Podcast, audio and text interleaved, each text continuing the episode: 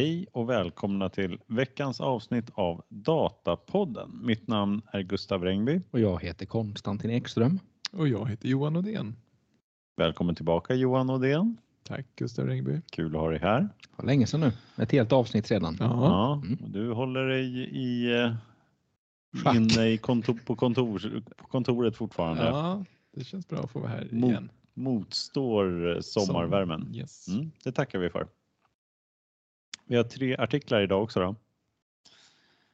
Och eh, jag har fått äran att börja. Som vanligt. Så jag, ja, precis. Ja.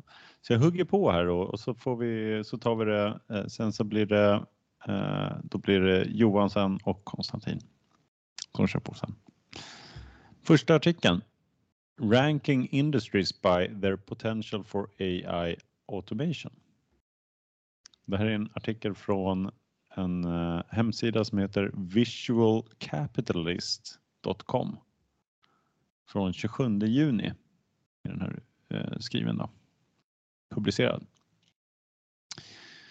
Och då har man, eh, då är det Goldman Sachs som har gjort en rapport här och uppskattat antal arbeten som kan automatiseras med AI.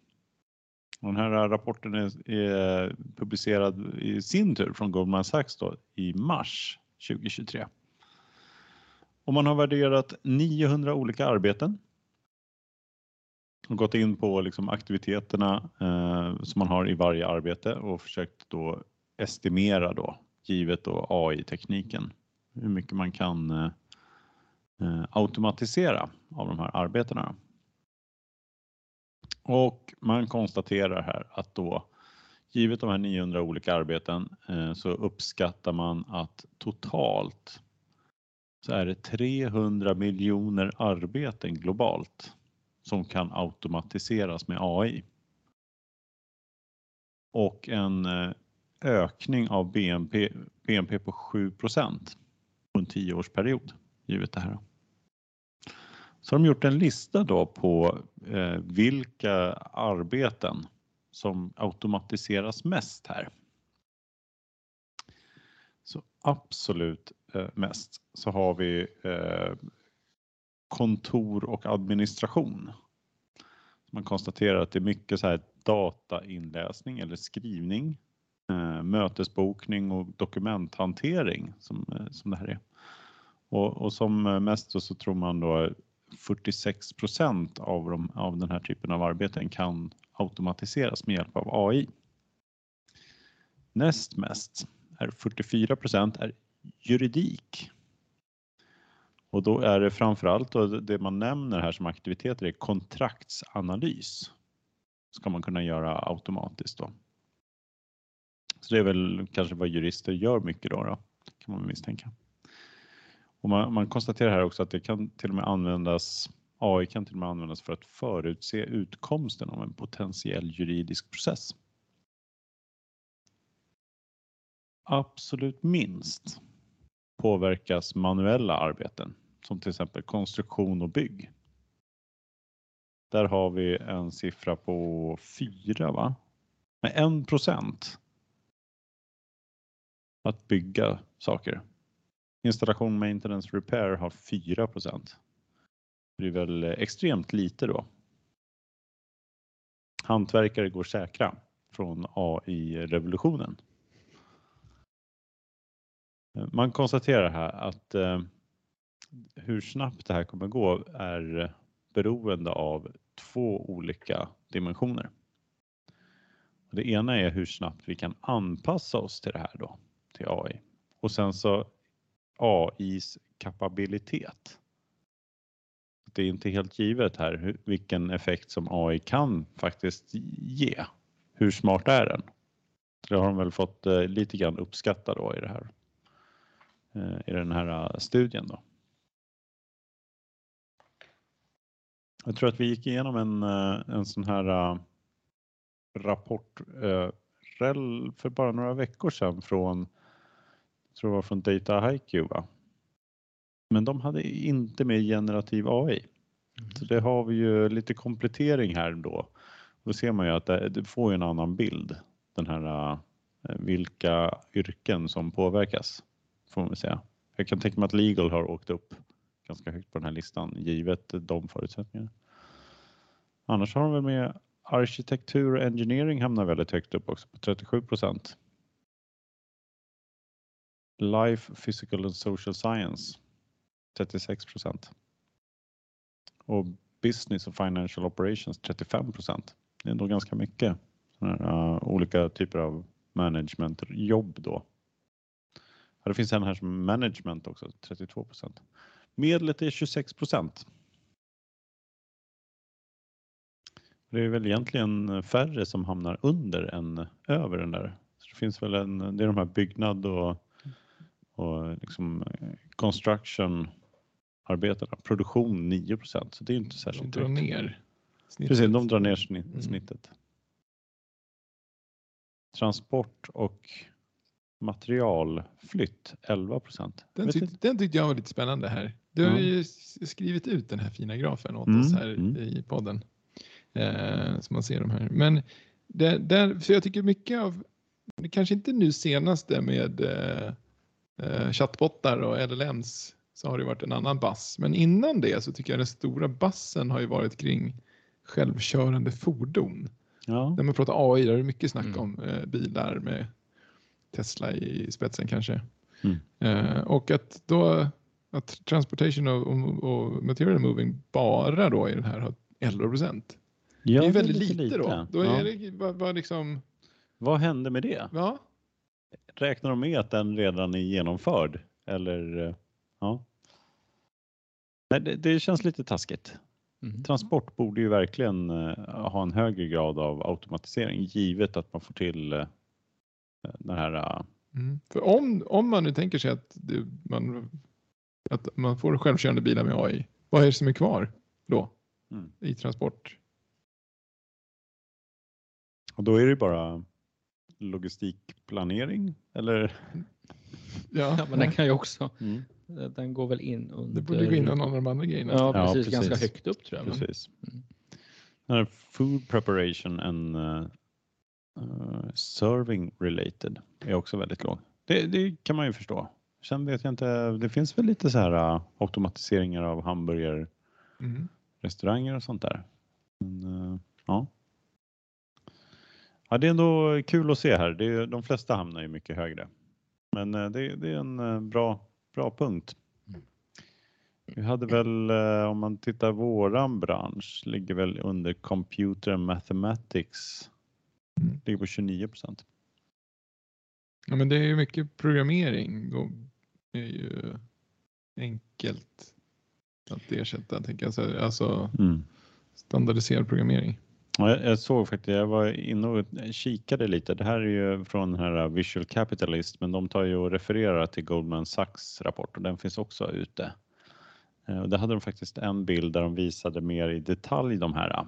Eh, och då, då, kunde de, eh, då visar de också att till viss del så handlar det här om augmented AI i en väldigt hög grad. Alltså att man automatiserar men givet att det finns en person då som, som utnyttjar AI. Och i vissa fall så handlar det om att du helt ersätter någon slags ersättande AI. Så att det blir mer alltså, effekt, vad säger man? Varje person blir mer produktiv. Ja, så då kan, behöver du inte ha Mm. en extra Och person. jag tror till exempel den här eh, mat, matematik och programmering Mm. är ju en sån som du fo- behöver fortfarande en programmerare men programmeraren kan jobba mer. Mm. Så att säga. Mm. Men vi lär nog få se eh, många fler startups här kring eh, de här topp eh, Office, administrativ och legal. Jag. Ja. Precis, Det det, är här är en affärsmöjlighet. Ja, men Ta precis. fram de här, den här AI Mm. som de pratar om här. Mm. Som bara ordnar mötesbokningar åt Mm. en så man slipper. Det är väl skönt. Eller överklagar parkeringsböterna. Just det, den är viktig. Ja, det är helt sant. Och vad man kan säga det är väl igen, eh, våran bransch eh, blir ju bara viktigare och viktigare då, för det här kommer bli mycket mer data av Mm. allt det här. Som man behöver hantera på olika sätt. Det är kul. Ska vi gå vidare? Jag trodde du var på väg på min snygga övergång där Gustav. Ja, sen uh, missade jag kanske. jag, var, jag var redo på att ta emot bollen, Ja. men den kom inte. Eh, ja, men precis. Nästa artikel då har jag hittat på MIT Management eh, eh, blogg eh, som heter How to build data literacy in your company. Eh, så att jag har ju återigen då hittat en lite äldre artikel eh, för jag tycker att det är ett intressant ämne som handlar om data literacy som jag tror som jag tycker är en intressant eh, term. Jag tror inte ni har pratat om den i podden innan. Ja, men det, vi har nog varit inne och touchat på, touchat den. på den? Efter dryga 50 avsnitt så, Så händer det någon det gång i alla fall. Men det, det finns Men- plats för Men här fler. kommer lite Mm. mer de- de- definition då.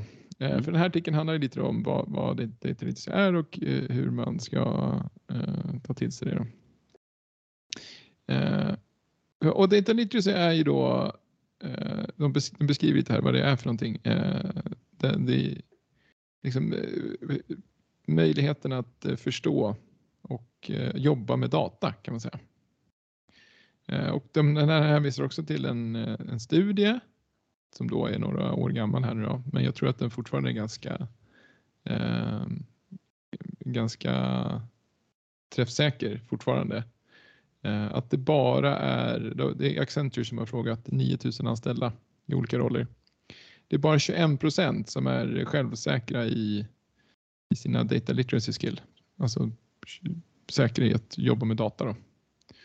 Så att det är nästan 80 procent som inte är bekväma att jobba med data. Ehm, så att det finns eh, nog behov här menar de på att eh, öka den här förmågan då, hos många företag. Att det kanske kommer bli en, en eh, mm, eh, vad ska man säga, möjlighet för de bolagen som har en hög förmåga här att bli mer konkurrenskraftiga. Ehm, och lite andra citat här då, eh, att det kanske det har alltid varit eh, viktigt med data literacy, alltså att förstå data, men i takt med att data nu växer som du var inne på, din överlämning här som jag väntade på, eh, så är behovet av data literacy mycket större. Och det, det blir så mycket tydligare om man är, är illiterate, alltså om man är okunnig, att det får mycket större konsekvenser idag. Um, speciellt kanske då med all den här AI och automatiseringen som vi pratade om innan här, att då har man verkligen behov av att om man nu bara ska vara den som tar besluten, då måste man verkligen förstå om man nu har, eh, får hjälp med allting runt omkring. Ja, för det, det känns som det är svårt att lämna över till en eh, dator. Speciellt den här tekniken då som är inte särskilt exakt av sig. Eh, generativ AI som eh, kan hallucinera ibland. Så behöver man någon som tar besluten i alla fall. Mm. Som det är en, ett citat där från Bianca Jain. Jain. Data is the new currency. It is the language of the business. We need to be able to speak that. Så man måste, det, det är liksom det framtidens språk. Man måste kunna prata det. Så ger de sig på då också här en definition då av vad data literacy är. Eh, och det är då eh, för det första möjligheten att läsa data, det vill säga förstå data och kunna, kunna sätta det i kontext och förstå vad det representerar. Eh, alltså få ett perspektiv att den här siffran är den i sin kontext liksom, är den rimlig eh, och förstå vad den betyder. Och i andra hand så är det då att arbeta med data, alltså kunna eh, skapa eller samla in, tvätta, hantera data. Liksom. Det är inte bara att förstå den, utan man måste också kunna jobba med den. Och sen analysera, kunna jobba med, med liksom rapportverktyg, filtrera, sortera, aggregera, eh, jämföra eller göra andra typer av liksom, analytiska eh, saker. Eh, och till sist då kunna argumentera med data eller liksom, eh, få till en storytelling, att sätta det i ett, i ett sammanhang och ett narrativ och, och kunna prata om det och berätta en story. Eh, de här fyra punkterna tillsammans är då data literacy. Och det, det är väl liksom lit, att, att vara literate eller literacy på engelska är ju liksom, det finns inget bra ord på svenska men det är väl att vara skrivkunnig liksom, eller att vara, motsatsen är att vara anal, analfabet. Att man inte kan eh, läsa och skriva. Eh, och det är ju det här handlar om också, då, att kunna jobba med data och förstå data och kunna både, och det är inte bara då att läsa utan även kunna skriva eh, data. Det vill säga ta fram rapporter eller ta fram material och, och jobba med, med, med data som man kan kommunicera med andra. Uh, så att de säger så här, det här är viktigt, det måste vi bli bättre på, för det är många som inte kan det. Uh, och det gäller också att göra det på rätt nivå. Då. Att olika personer, olika roller kommer behöva olika mognad här. Um, och alla kan inte vara liksom data scientists, men alla måste ha någon baseline och man måste jobba med uh, att lära folk på rätt nivå. Då.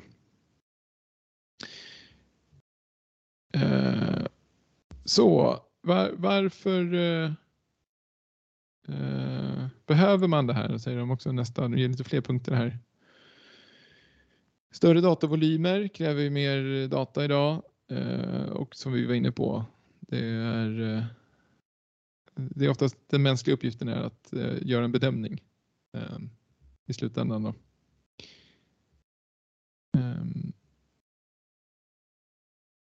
Ja, så till, till sist då så går de in på en, eh, vilka punkter man behöver här för att liksom göra en, en, en data literacy plan för det här handlar ju någonstans ytterst om att utbilda människor i att bli bättre på det här. Och då, då tipsar de om en eh, trestegs, ett, ett ramverk i tre steg. Att man måste ju först sina mål, sina data literacy goals. Sen behöver man göra en assessment och förstå vad man har för current skills. Och sen måste man sätta en plan, då, en, pa, en learning path för att ta sig mot sin vision utifrån där man står. Ganska straightforward då, men kanske inte så enkelt i praktiken. Och eh, vad ska ett sånt här program innehålla då? Har de ett antal punkter här som de tycker är viktiga. Eh, och det första är att förstå skillnaden mellan data literacy och technical literacy. De menar på att man hittills har fokuserat alldeles för mycket på att lära sig tekniska skills eh, och alldeles för lite på att tolka data. Det där måste, om man nu har haft det tidigare en 80-20 eh, fördelning där så får man flippa den. Det är mycket viktigare att förstå data än att förstå teknik framöver. Så liksom, eh, du ska inte lära dig Excel utan du ska lära dig datat ja, istället? Det är viktigare. Det är viktigare att kunna tolka och jobba med datat i Excel än att kunna massa Excel-formler och, mm. och inte förstå datat. Ja. Mm. Vilket ju känns rimligt kan jag tycka. Ja, verkligen. Mm. Uh, och sen uh, punkt två. Um, start with the baseline of employee skills. Alltså börja med, alla måste börja så man får liksom en grundnivå som är, som är bra så alla kan använda det. Eh, tredje, sättet, gemensamt språk. Eh, en väldigt viktig grej är att alla, alla pratar lik, samma grejer, man har samma terminologi och inte eh, att man pratar om, om olika saker eller om samma sak på olika sätt i olika delar av organisationer och sådär. Det är viktigt med ett gemensamt vokabulär. Sätten, sätt fjärde då är sätt en, en lärande kultur och belöna Eh, nyfikenhet. Det är som, som vanligt när det kommer till kultur så vill man inte straffa eh, straffa dåligt beteende utan snarare uppmuntra bra beteende. Eh, samma sak här. Och det är inte bara då om det liksom själva data literacy-grejen utan även då när man väl kommer till insikterna kring data. Att om man nu blir mer literate och förstår mer av sin organisation då kanske man också inser mycket negativa fakta. Eh, viktigt att man då också uppmuntrar det att det är någonting bra, att man kommer till nya insikter som kanske i sin tur är någonting dåligt. att man har insett någonting dåligt, men då ska man uppmuntra det, att det är någonting bra. Liksom. För då kan man, först då kan man bli bättre. Eh, och sen så eh, man ska lära sig, eh, punkt fem, man ska lära, lära sig på olika sätt. Alla har olika behov så att eh, alla kanske inte ska få samma utbildning utan vissa kanske vill ha in-class Eh, lektioner medan andra har onlinekurser eller vissa vill läsa böcker eller vad det kan vara. Eh, sen behöver man definiera tydliga mått på framgång. Man vet hur man ska mäta det här. Ehm, så att man eh, vet om man lyckas. Och nummer sju, se till att man har management och ledare med sig. Det måste komma liksom top down. Man kan inte be sina anställda att eh, bli mer data literate om inte management är det. Så att de behöver ju också bli det. Det var inte med i den här undersökningen, men jag läste en annan artikel om data literacy där det var om det var 21 procent som var generellt här dåliga på det här, så var det 15 procent bland managers. Det var samma studie eller om det var en annan. Så att det finns nog ännu större behov där. Eh, och sen till slut- den sista punkten då, att förstå att data literacy är inte allt. Eh, man behöver jobba med sin, eh, om man ska bli datadriven så är det här en väldigt, väldigt viktig del. Men sen måste man givetvis ha bra data också. Så att det, det här är en pusselbit, men det finns det är en del av ett större sammanhang. Yes, Just det. Ja, och inte bara data, eller det här med sista punkten där. mm. Det är också att man ska agera på det va? För det ingår inte i data literacy-begreppet va? Utan aktionen sen. exakt. Precis. Data literacy handlar ju bara om att förstå och arbeta med Mm. data. Men sen så behöver du ju göra någonting med det Mm. såklart. Precis som du säger, det handlar ju om att förändra sin affär. Eller Ja. förändra sin verksamhet och att göra, ta bra beslut kring det. Mm. Precis, så det är ju en, en extremt viktig del. Jag tycker den, eh, det här med eh, sätta liksom performance indicators, hur bra Ja. man lyckas. Det är ju tämligen svårt på, liksom, på den här typen av frågor. Mm. Men ännu svårare då också att ja, kunna avgöra vad affärseffekten blir. För det blir ju ytterligare en nivå av ja, men hur, hur mycket värt är det? Att du, tar, att du har personer som är mer datalitterata då? Precis, jag tror inte det stod i den här artikeln. Eh, Men det är ju, det är ju lite som eh, i förra avsnittet vi pratade om dataskuld. Det, var, det här är lite liknande. Alltså det är ju det är liksom en mognad man behöver i hela organisationen. Det Mm. är svårt att mäta värdet på. Det är nå- nå- I framtiden så är det här en hygienfaktor. Det är snarare så här om du inte är data literate så, så tappar du massa saker som, du, som är underförstått. Liksom. Mm. Mm. Han tog väl upp som exempel här något eh, om, om du står eh, liksom och ska eh, i en café och så din sto, storsäljare är slut. Ja, Så ska det. du liksom Mm. föreslå näst största försäljningen, den liksom näst populäraste när, när den är slut liksom. Som ett exempel på. ja, men precis. Men det är ju så alltså, exempel att det här är någonting som, som alla organisationer har nytta av. Även liksom alla ute i Mm. fält eller på golvet. Mm. Eh, och att, som du säger då, att en, en servitör kan ha nytta av att förstå försäljningssiffror. Kanske inte bara just sådär eh, där och då, vilken är den mest säljande grejen, utan ha, om man har sett de här, den här datan och byggt en förståelse själv för vilka grejer är, är, brukar sälja tillsammans med vilka Mm. och vilka säljer bra var, så kan man också ge kunden ett bättre erbjudande där och då. Ja, precis. För att man vet att den här typen av kund brukar köpa det här på det här stället eller nu Mm. den här dagen i veckan. Eller, så Mm. Mm. Det ger liksom en ökad, eh, en, en förbättrad verksamhet på alla plan. Mm. Om alla förstår data bättre. Det blir som man ska inte rekommendera en sherry till räkor. Nej. Det blir liksom, det, det passar inte ihop. Vad, vad vill du ha till räkorna då? Vitt vin. Vitt vin?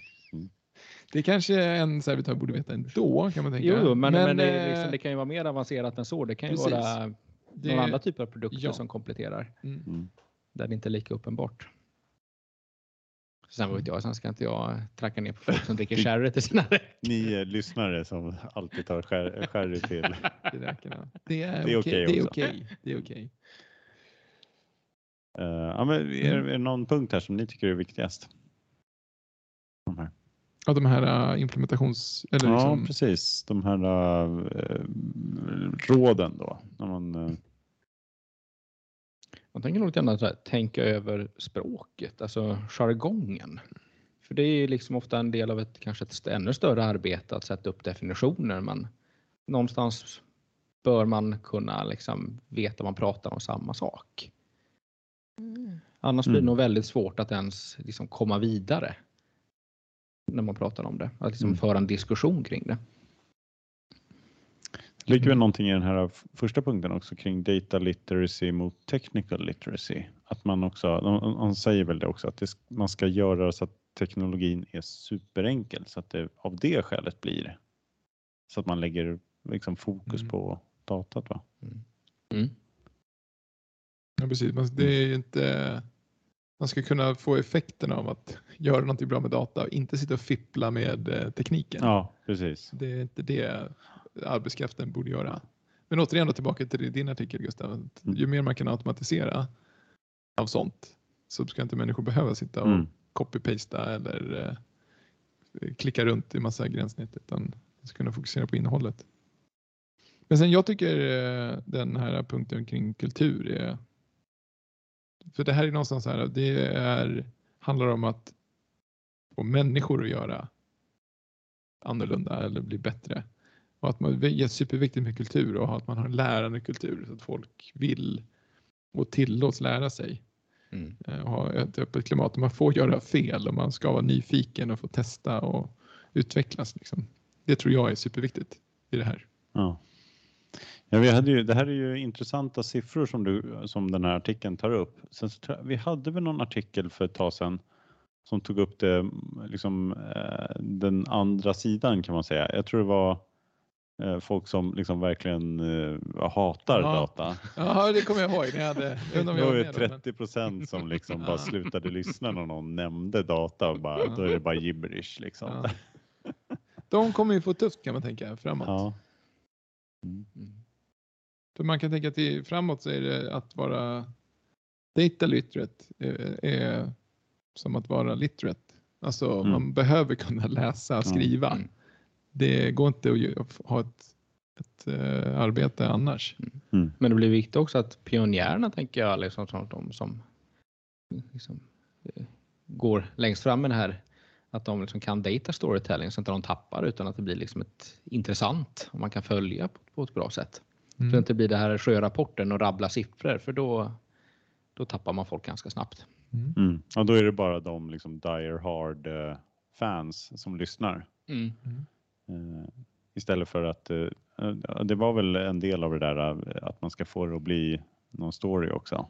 Ja, lite grann. Det är en del av literacy att vara Mm. duktig på att sätta det i ett, ett kontext Mm. eller i ett narrativ.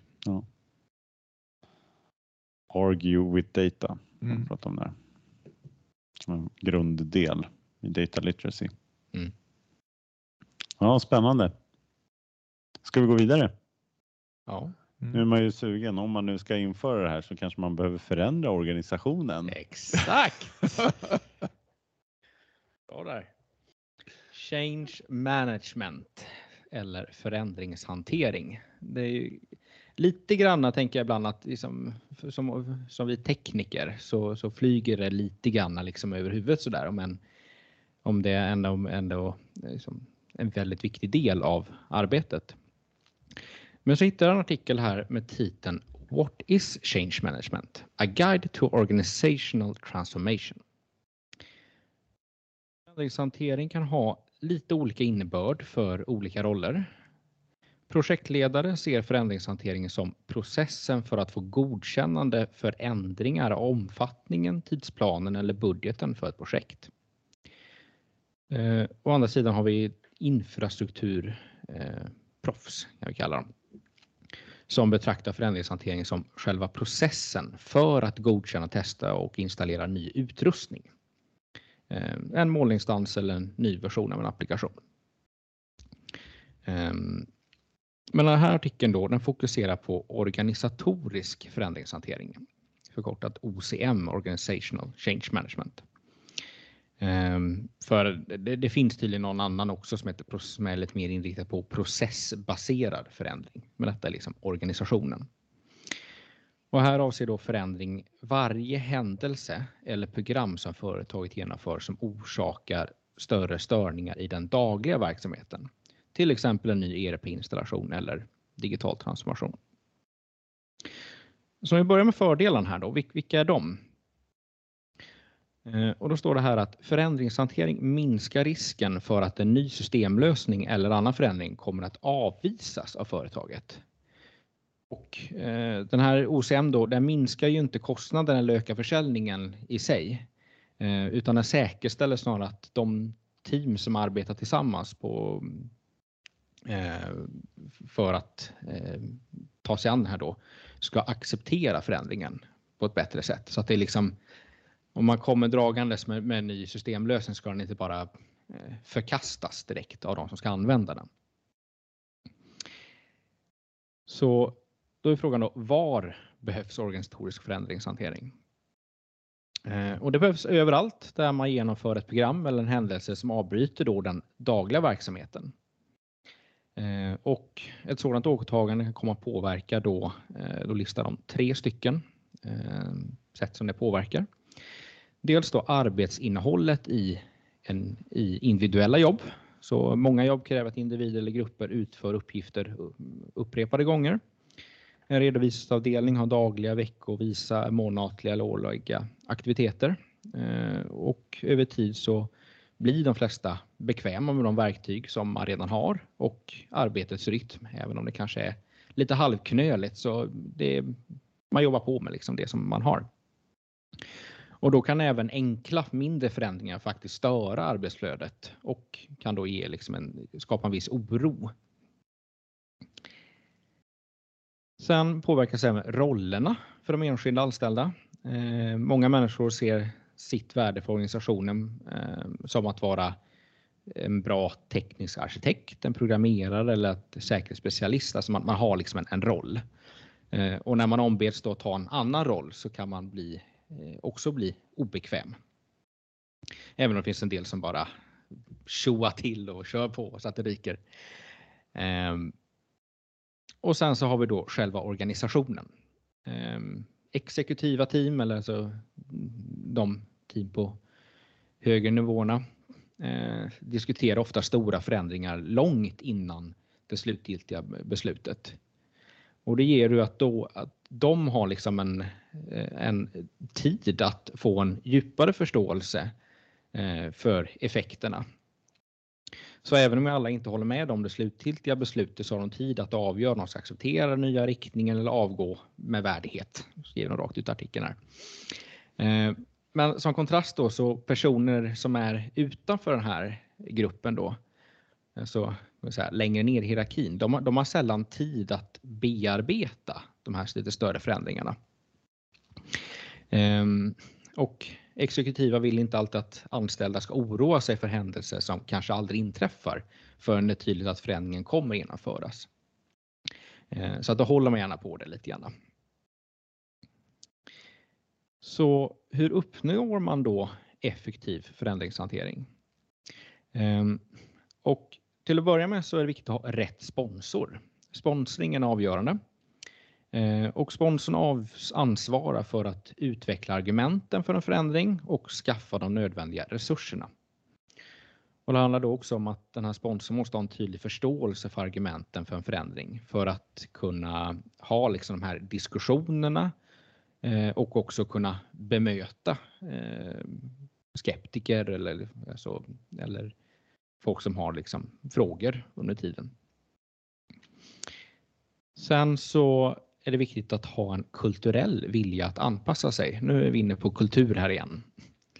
Eh, och då måste organisationen finnas en, en vilja att eh, granska ny information och ta till sig nya eh, beteenden och tillvägagångssätt. Eh, men eftersom de flesta föredrar status quo så kan det, kan det ibland bli svårt. Eh, men ett tips var här lite grann att vanligtvis accepterar de flesta människor förändringar som är meningsfulla och förbättrar deras jobbinnehåll eller arbetsmiljö. Så på vilket sätt, what's in it for me blir det lite grann här. Sen är det då viktigt med belöningarna även här då, att man uppmuntrar goda prestationer och, och eh, ja, visst är då anpassningar, även om det kanske låter lite, lite, lite tråkigt att bara säga att man anpassar sig. Men, eh, så att vi, vi kommer ju toucha lite grann, men vi kommer in på nästa som är då varför är det här så förbannat svårt? Eh, och det, det tar ju tid att förändra attityder och beteenden. Eh, tillämpningar av implementering, även stora, eh, är lättare att planera och hantera. Eh, projektledare vet att en modul ska testas eller att en service ska installeras. Alltså, liksom, den tekniska biten, den är, liksom, den är lättare att, att få grepp om. Men själva förändringshanterandet, eh, det är lite svårare att mäta i framsteg. Att eh, bedöma stöd kan vara knepigt. Så precis när det verkar som att en viktig person liksom stödjer och är med så kommer personen tillbaka med en invändning och återgår till det gamla. Ehm, därtill så menar de att eh, en del chefer ofta antar att eh, alla som påverkas kommer att finna affärsargument så övertygande om att de automatiskt accepterar det nya arbetssättet. Det låter ju fantastiskt. Eh, kulturella skillnader kan också göra det svårt. Ehm, vi har kulturella normer. Framförallt om man har ett globalt företag så kan det vara ganska stora skillnader i Ehm, hur man, hur man tar till sig och hur man arbetar och hur man ser på, på olika förändringar. Sen handlar det också om eh, starten. Man kan både vara för tidig och för sen. Det måste vara perfekt. Eh, startar man för tidigt ehm, då, då, finns det risk att de tekniska bitarna liksom inte är uppe. Det finns liksom inget konkret att förhålla sig till så då, då slutar det att man sitter och behöver spekulera i hur borde det fungera? Och sen så fungerar det inte riktigt så. Då blir alla missnöjda bara för att det fungerar annorlunda och kanske inte nödvändigtvis för att det var eh, sämre. Eh, och sen så kan det då vara alldeles för sent och helt enkelt. Man, har, man är helt uppslukad den tekniska implementationen och det läggs på liksom lite sista hand. Eh, så då finns det liksom inte varken tid eller, eller liksom egentligen möjlighet att, att få till det. Um, ja. Så hur ska ett förändringshanteringsteam, det var ett svårt ord den där. Det var lite taskig översättning tror jag. Change management team. Uh, hur, hur ska detta då struktureras? Ehm, och OCM-teamet då, då bör integreras med teamet som är ansvarigt för att implementera förändringen. Ehm, sponsorn bör i regel vara en högre chef ehm, och sponsorn är den här hejaropan som beskriver varför förändringen är viktig. Sen har man projektledare som leder de dagliga aktiviteterna. Och sen har vi då champions. Det är de som är då supportrar och liksom säljer in och har de här liksom små liksom, tentaklerna ute i verksamheten i olika team och kan kanske ta ner det på lite mer eh, liksom, specifik nivå. Domän, inom vissa domäner eller sådär. Eh, och de är också med då efter eh, liksom att förändringen är genomförd. Eh, och då fortsätter att liksom arbeta, det kan vara utbildning eller, eller, eller fortsätta liksom med efterarbete, svar på frågor och sådär. Men sen avslutar de med fem huvudsakliga principer. Och den första är då att planera noga. Eh, man identifierar avdelningar, affärsenheter, grupper som, som kommer att förändras och nyckelintressenter för varje grupp. Och sen analyserar man då hur förändring kommer påverka eh, respektive, respektive jobb. Då. Ehm, och det gör att man kan då eh, egentligen svara på frågan, den vanligaste frågan då, så vad, vad får jag ut av det? Och sen att efter detta så engagerar man intressenter eh, och då tar kontakt med dem och, och förklara och sådär. Eh, och kanske även identifiera vissa skeptiker. Och sen ska man då såklart utbilda som en viktig komponent. Ehm, kan både vara tekniskt men även då liksom själva eh, arbetsprocessen i det hela. Och sen då erkänna och belöna och avslutningsvis då nästan som finns alltid justera och anpassa. Improvise, adapt, survive eller vad är det man säger? Ja, det här är förändringsarbete. Bra. Ja. ja en fullständig förklaring på det. Mm. det känns ganska enkelt. Man bara får en lista bara liksom. Börja med det här, kör det här, identifiera det här, kör på. Men eh, Sen glömmer man bort det till nästa projekt. ja, sen är det människor. Precis, inblandade inget också. är ju enkelt när man har att göra med människor. Nej, Det- jag, vet, jag, hörde, det var någon Det- som sa någon gång, där det finns människor finns det problem. Jag tycker det. Ja, men det, och det finns ju ingen sån eh, one size fits all i det här. Eller liksom det finns ingen eh, silver bullet utan det här det beror ju på varje organisation, varje projekt. Mm. Hur, vad det är man behöver göra i de här delarna. Men det känns som en sån här liten det känns som en, knivsägg eller en skörd tråd för vad, vad är att köra över folk Mm. och vad är att lyssna in och anpassa.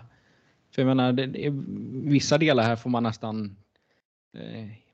det är som nästan lite, lite amerikansk kultur att man liksom nu har vi bestämt det här på högsta ort och nu kör vi ut det och sen så vill du inte vara med hoppa av ungefär. Mm.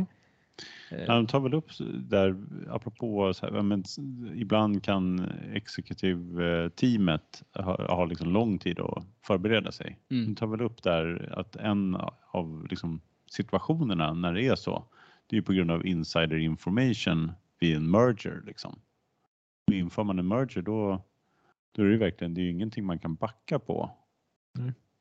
Som Nej. anställd liksom, utan då är det ju Det är bara, bara att acceptera. ja, Ja. Mm. Eller eh, hoppa av. eller hoppa av. Precis. Ja. Men det är ju liksom en större förändring. Jag tänker det, det vanligaste måste ju vara att man det är liksom en digital transformation på något Mm. sätt och Ja. den, den, den är- behöver man inte vara så hemlighetsfull på, på det sättet. Nej, men den ska ju fortfarande göras. Alltså Ja. har, du, har du, om du till exempel ska byta ERP eller alltså byta något system överhuvudtaget Mm. så kommer det förändra arbetsprocesser, det kommer förändra vissa roller kommer, som gjorde massa jobb innan kommer behöva göra annat imorgon. Mm. Och då måste man driva, det är ju inte frågan om att liksom backa på olika funktioner eller eh, processer i, i den här utrullningen. De, de ska ju bli som de ska bli. Mm. Det är inte så att vi bygger om systemet för att någon anställd tyckte att det var, inte ville byta arbetsuppgifter. Utan då får man ju hantera det. Och det är det det här handlar om, att hantera dem. Hur hanterar vi förändringar på bästa sätt? Mm. Om folk, folk måste göra annorlunda imorgon.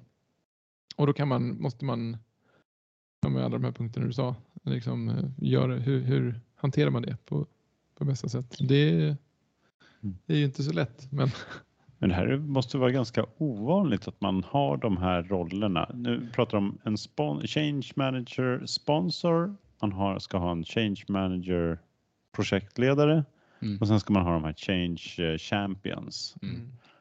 Det måste vara ganska ovanligt att man har det här en sån formell process eller hantering av det här. Men alltså rollen change manager, det tycker man ser lite överallt. mm. Att det finns någon alltså anställd som har. Ja, det, men, det, Men- ja, jag tycker det är men- ganska ovanligt vet- ändå i många det, är, projekt. det är Så, oftast när det är väldigt större projekt. Precis, när det, är typ riktigt ett, det blir stora. ett program där man ska Ja. göra stora förändringar Mm. så brukar man även tillsätta en, en förändringsledning i det också. och när det är liksom något verktyg som påverkar väldigt Ja. mycket användare Mm. till, till hög grad. Va? Eller när det får väldigt stora konsekvenser, liksom, Mm. förändringen. Annars så, så blir det här förändringsarbetet liksom implicit i, förändrings, eller i projekten. Mm. Att ja, men då byter vi den här grejen, nu måste göra folk annorlunda så får det hanteras av projektet. Vilket kanske då är lite olyckligt för då gör man inte alla de här äh, delarna här. Eh, framförallt det som jag eh, eh, reflekterade över var ju det här du, du sa de här vad, vad som kan vara svårt i det Mm. här. Då tycker jag tajmingen Mm. är, eh, för den är, tycker jag superviktig. Mm. Som du, du var inne på det, att, om, att, att prata om någonting innan flyger bara över huvudet på folk. Mm. Ingen bryr sig om någonting som inte kommer hända eller kommer hända nästa år. Mm.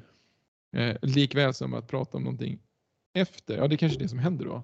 Att man gör inte det här jobbet Mm. och så kommer smällen efteråt. Så här, Oj, nu blev det annorlunda, nu måste vi ändra oss. Då har Eh, folk redan blivit irriterade. då har folk redan blivit Ja. irriterade och tycker att det bara är, är jobbigt och så måste man hantera det då. Mm.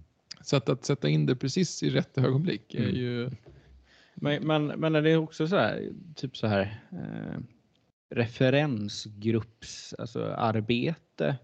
För vissa saker kan man ju liksom tweaka eller justera. Så det finns väldigt öppna frågor. Hur borde vi göra? Man kan göra på flera sätt i liksom tekniskt. Mm. Ehm, Men då kanske man liksom man börjar arbeta innan för att liksom hjälpa till med kravställning och sen går det över. Men när, när tippar det över i så fall då? Eh, Till att nej men nu är det här bestämt, nu kör vi så här. Mm. Ja, precis. Ja, men jag tror om du har en förstudie, det är ju bra. Och det borde ju vara en del av eh, change management att man eh, har med användarna liksom i den bågen också. Men det är ju inte change management då, Nej, det blir det ju inte då. Utan då är det ju bara att samla input för hur vi ska arbeta i digitala transformationer eller något sånt där. Mm. Men ja, vi har väl varit inne på det här lite grann. eh, Den här eh, hur, eh, hur ofta man behöver det här just till analysprojekt. Det, det är väl mindre vanligt får man väl säga. Än då om du byter Ja, ett ERP-system. Precis. Jag tror Mm. mycket handlar om när du var inne på det i början här, när man förändrar det operativa arbetet. Det är då det behövs. Mm. Uh, oftast är analysprojekt bara någonting som kommer lite på toppen för må- många.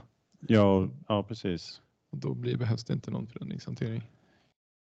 Men eh, det, kan, det kanske är att man behöver i alla fall någon typ av eh, förändringshantering när man kanske sätter in ett nytt eh, visualiseringsverktyg. Om man ska välja något sånt. Det kanske är så att det är någon deltids change manager, men det behövs ändå. Ja, man behöver göra någon sorts träning Mm. och utbildning eh, i samband med det. Ja, precis. Så att eh, det, det gäller väl att hitta en lagom nivå va? Mm. Mm. för analysprojekt. Eh, och, och, men då kanske det är att beställaren får hantera spons, liksom vara sponsor istället Mm. för. Ja men precis, beställare och så. Och sen så jag tror det, det som jag tycker man upplever i alla fall när man gör den här typen av projekt är att man letar ju efter de här championsen Mm. som du nämnde här, att vara en del av change management-teamet. Att man hittar sådana ändå. Ja, men nu ska vi rulla ut det här, då behöver man hitta människor i mottagarorganisationen som, som kan vara ledare för det. Som Mm, gillar det här, som kan vara liksom drivare mot sina kollegor. I, Mm. lite superusers. precis, Mm. så att vi kanske snarare pratar om superusers då. eh, Som Mm. får, Eller stewards. Kanske inte riktigt blir samma. Det är väl kanske med guide liksom i Ja. datadjungeln. Men jag tänker de också pushar på lite grann. Men kolla här, så här kan man bygga. Så här, den här analysen kan man göra. precis. Ja. Liksom insp- inspiration liksom. Ja. Mm. Så att man gör ju, det blir ju ett förändringsarbete i det. Mm. Um, Mm. Men att man inte, men det man kanske ska bli bättre på när man planerar projekt är ju kanske att även om man inte startar ett, ett eh, separat förändringsprojekt, alltså change management, så, så att man ändå har med den typen av aktiviteter Mm. i sina andra projekt eller initiativ. Att Mm. tänka på att det här kommer kräva en förändring, kommer för det, kommer, det driver ju oftast tid från projektet. Mm. För det finns ingen mottagare där, för den vill inte. Mm. Eller den har inte tid. Eller. Mm. utan att man då får med det här, ja men då måste vi driva igenom det och få till den förändringen. Mm. Mm. Kanske en bra eh, takeaway. Ja. Ja, vi, hade väl, vi hade väl någon artikel om det där tidigare just om hur du inför eh, liksom dataanalys. Maratonet? Last Nej, mile? det var där de föreslog att man skulle ha lite, just det här med, det är ju nästan en del av, det här data literate är ju en Mm. del av att börja utnyttja en analyslösning på ett bättre sätt. Så de hänger ju väldigt mycket ihop de här två artiklarna får man väl säga. Mm. Eh, På det sättet. Mm. För det är ju nästan en del av change management arbetet då. Ja, Att bli mer litterat. Säga. Eller vad man nu säger på svenska. ja precis. Det finns ju inget bra ord. Det kan vi ju efterlysa bland våra lyssnare kanske. Om någon har ett Precis. bra ord på lit, data literacy, eller lit, att vara litterat Ja. Lite rakt. på svenska. Ja, Det, det känns jobbigt att vara så här svengelsk. datig eller något. Ja. Mm. Ja, vi förväntar oss en massa bra eh, förslag här nu då. Datakunnig. Datakunniga. Det, det skulle väl kunna vara liksom Men då tänker man på den här personen som eh, hjälper farfar med datorn. Liksom. Ja. Farbror. Mm. Jag såg någon bild på eh, sociala medier. var någon, eh, och någon student som hade en skylt eller plakat som man höll upp. Data scientist students are not PC rep pairs. Det är en hård värld. Ja, det är en hård. Ja, men en bra ansamling här. Nu blev det lite, det är inte lika mycket nyheter under sommaren så då får vi liksom lite tid här till att eh, tänka på lite mer eh, eviga frågor. Mm. man får ändå ge hans artikel var ju ändå från 14 juli. Den, men den 23. är evig, eh, liksom den, Ja. ja. change management har funnits ett tag. Och, Det är inte nytt, nej, även om artikeln är ny. Eh, så att den den är väl äldre än så. Mm. Är det någonting annat? Nej. Nej, men då hoppas vi att ni njuter lite till av sommaren. Så ses vi nästa vecka då. Ja. Mm. Hej då! Hej då. Hej då. Vakna klockan fem, det är mörkt nu igen Som om idag